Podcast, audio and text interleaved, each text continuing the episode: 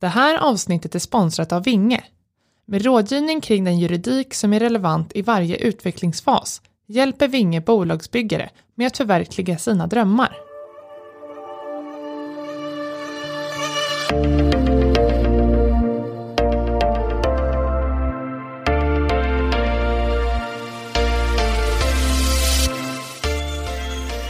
I dagens avsnitt gästas vi av Viktor Borén, som är en av grundarna till Microdry. Deeptech-företaget från Linköping som utvecklar en flexibel, kostnadseffektiv och miljövänlig mikrovågsbaserad lösning för virkestorkning. Med en stark koppling till näringslivet, bland annat med Saab, jobbar de mot målet att ta fram en lösning företagen eftersöker. Alltså ett smart sätt som främjar en övergång till fossilfri virkesproduktion. Det här är Bolagsbyggarna med mig, Amelie Skogström. En podcast där vi ställer raka och personliga frågor om hur det verkligen är att bygga bolag. I den här säsongen träffar vi bolagen som under hösten antogs till Business Challenge affärsutvecklingsprogram. Hej och välkommen till Bolagsbyggarna, Viktor. Tackar. Kul att vara här. Kul att få komma hit. Innan vi går in på din entreprenörsresa får du gärna berätta, vem är Viktor Borén? Ja, en eh, Linköpings kille, eh, inflyttad östgöte, eh, kommer ursprungligen härifrån eh, utanför Norrtälje här i Roslagen. Eh, men eh, ja, en eh, kille som eh, gått en liten traditionell resa kan man bara säga från början. Eh, pluggat till civilingenjör men eh, kände väl efter ett tag att eh, jag ville prova på någonting nytt. Ville bygga någonting eget och på den vägen då kommit in på entreprenörskapsspåret och starta bolag. Eh, ja, tycker väldigt mycket om att vara i naturen och träna och sådär också på fritiden. Så lite kort. Du har ju grundat bolaget Microdry. Ja. Berätta mer om det. Microdry eh, började egentligen som en affärsidé som jag tillsammans med mina tre kollegor under ett traineeprogram på företagsinkubatorn LEAD eh, verifierade och hittade eh, stor potential för. Eh, på LEAD så får man matchas eh, med ett antal affärsidéer och undersöka affärspotentialen i de här idéerna.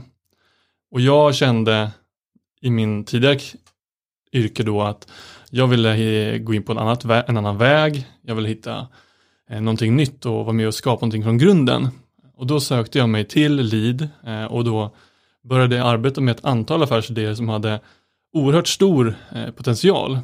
Och då började vi prata med sågverksindustrier och fråga lite grann hur de jobbade, vad har de för utmaningar idag, vad är det man ser för trender och vad gör, måste man säkerställa för att de ska ha en framgångsrik resa in i ett mer hållbart samhälle.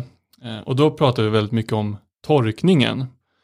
Och om man inte känner till hur ett sågverk funkar idag eh, så består det väldigt av många olika steg.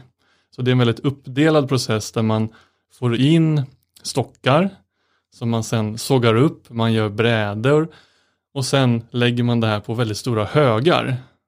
Förvara det för att sen i nästa steg torka det då i som stora kammare. Så man kan se framför sig ett stort hus och för att värma upp det här huset då så eldar man biomassa, alltså spill från processen, så bark och flis och liknande.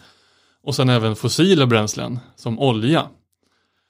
Och sen torkar man då de här stora, stora högarna av virke för att då få dem till det slutresultat som är så likt som möjligt. Så man vill ha produkter som är av samma resultat så man får en så liten variation som möjligt. Sen går det vidare till nästa hus där man då kan hyvla det, få de här fina ytorna, kapa det så man får det som vi ser sen i handeln och som vi köper. Men i då processen så så hörde vi att det fanns en väldigt stor utmaning med då just torkningen och att man inte kunde följa de här brädorna till exempel under processen utan man lägger dem på hög och man låter dem försvinna i en stor mängd. Eh, så där har vi tittat på en process där vi kan med hjälp av att applicera mikrovågsteknik sätta dit våran låda och vi kan istället hantera virket och då brädorna kontinuerligt där vi kan jobba med varje bräda för sig och mäta och anpassa tekniken och hur vi torkar under tiden. Så vi får ett mycket högre värde och en högre resurseffektivitet utav processen. För att även då höja sågverkens effektivitet. Och det här gör även, och någonting som är väldigt en trend inom sågverksindustrin just nu, är att man digitaliserar hela kedjan. Och att man tittar på hur kan vi använda data före, under och efter alla processer för att få det så effektivt som möjligt.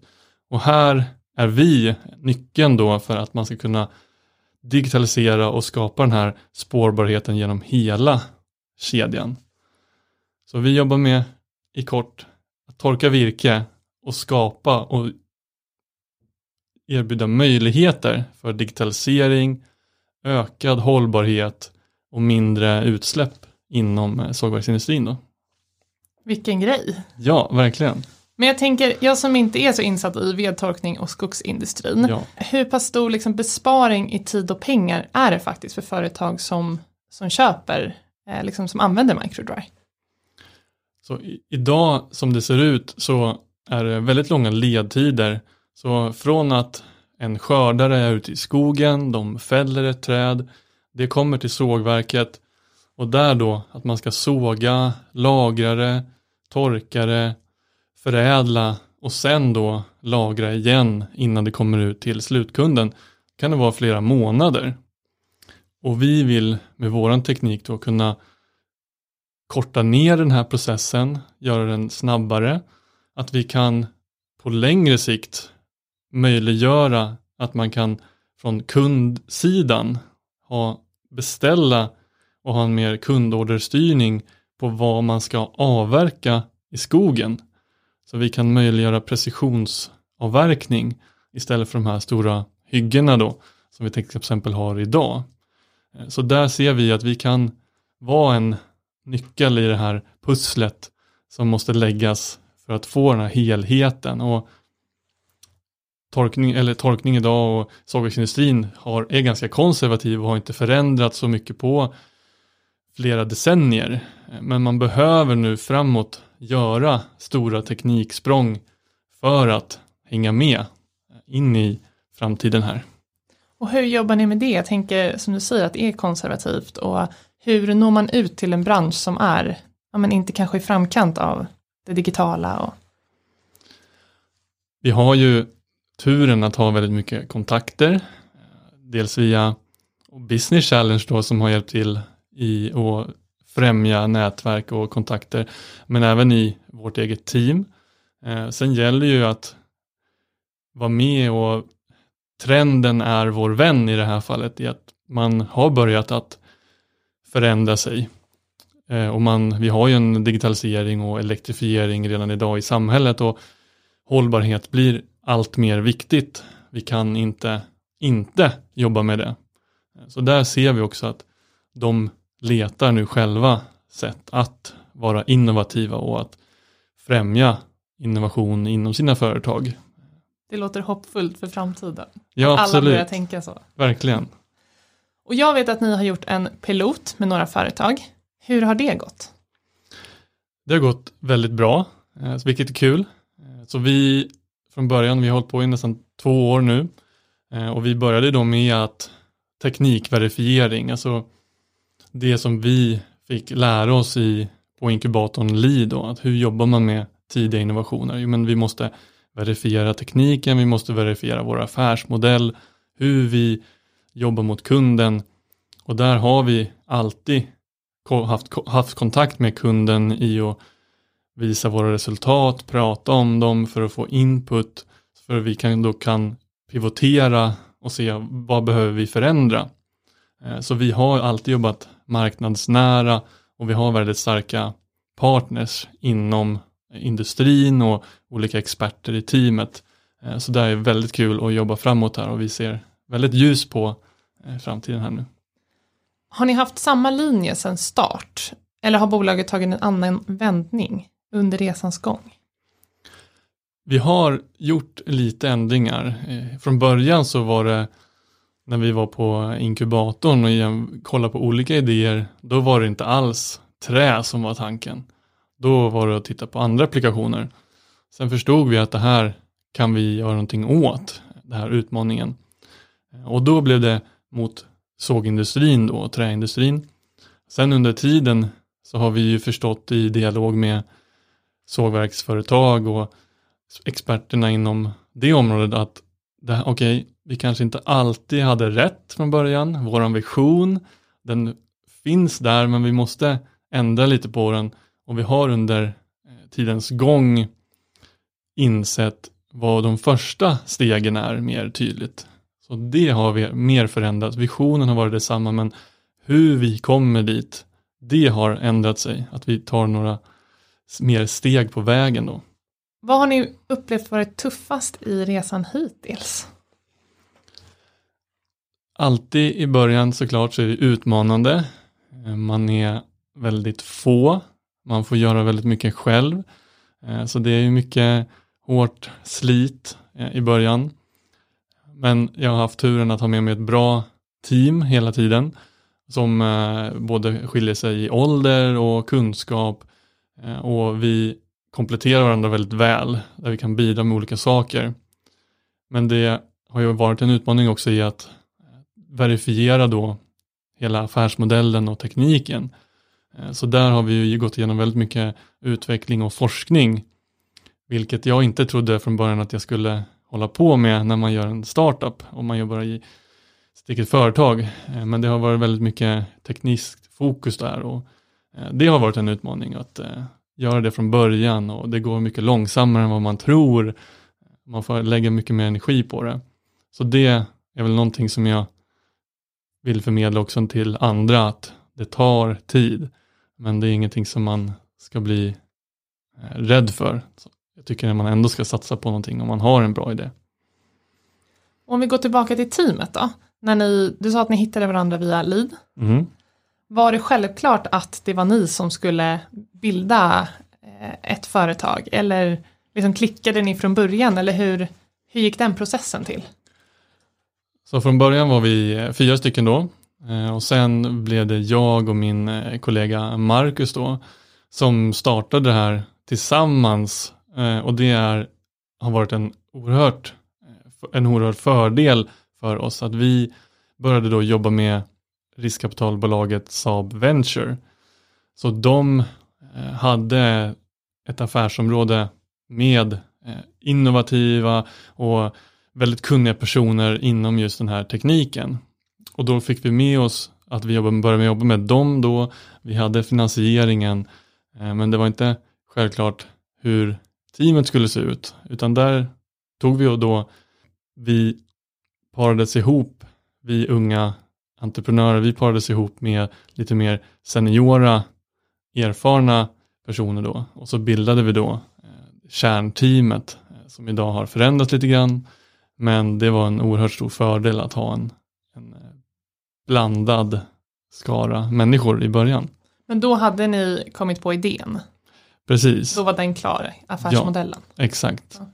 Så vi hade under det här trainee-programmet då verifierat och skapat oss en grundläggande affärsmodell. Eh, men den såklart har ju förändrats över tiden.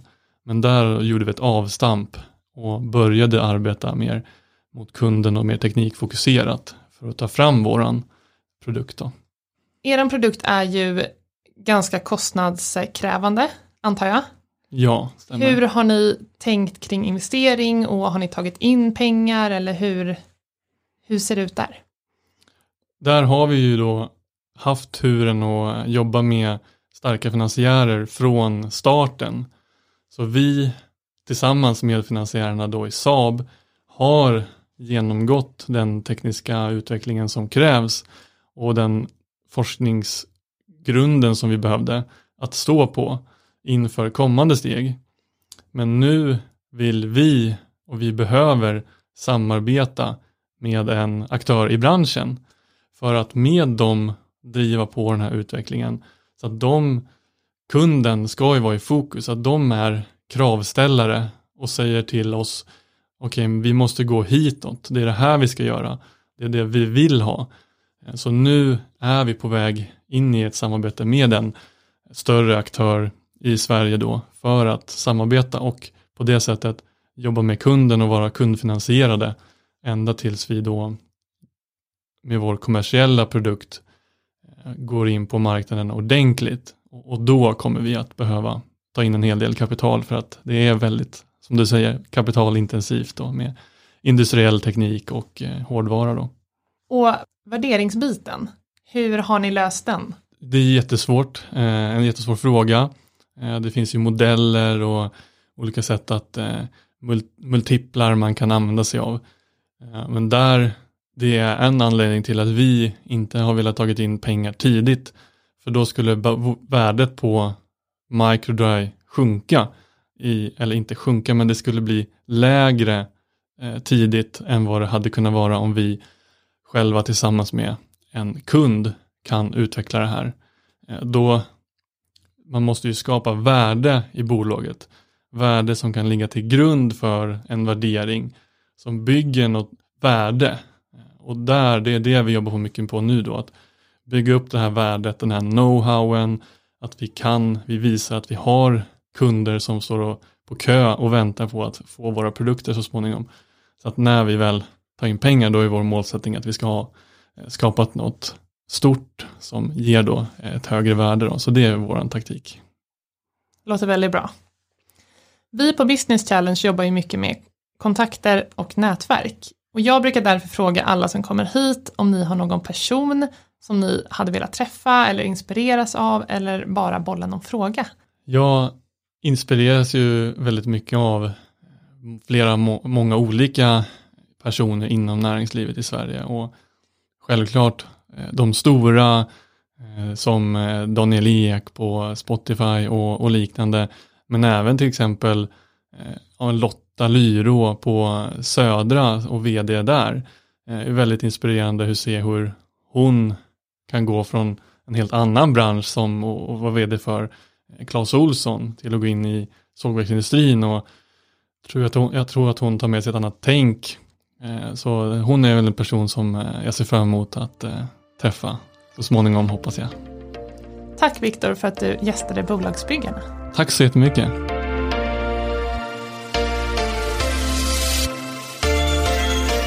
För att du har lyssnat på Bolagsbyggarna med mig, Amelie Skogström.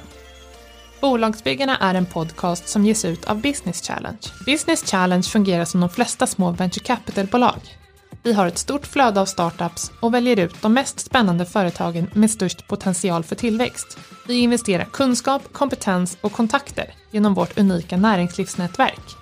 Ansök till vårt affärsutvecklingsprogram med ditt företag.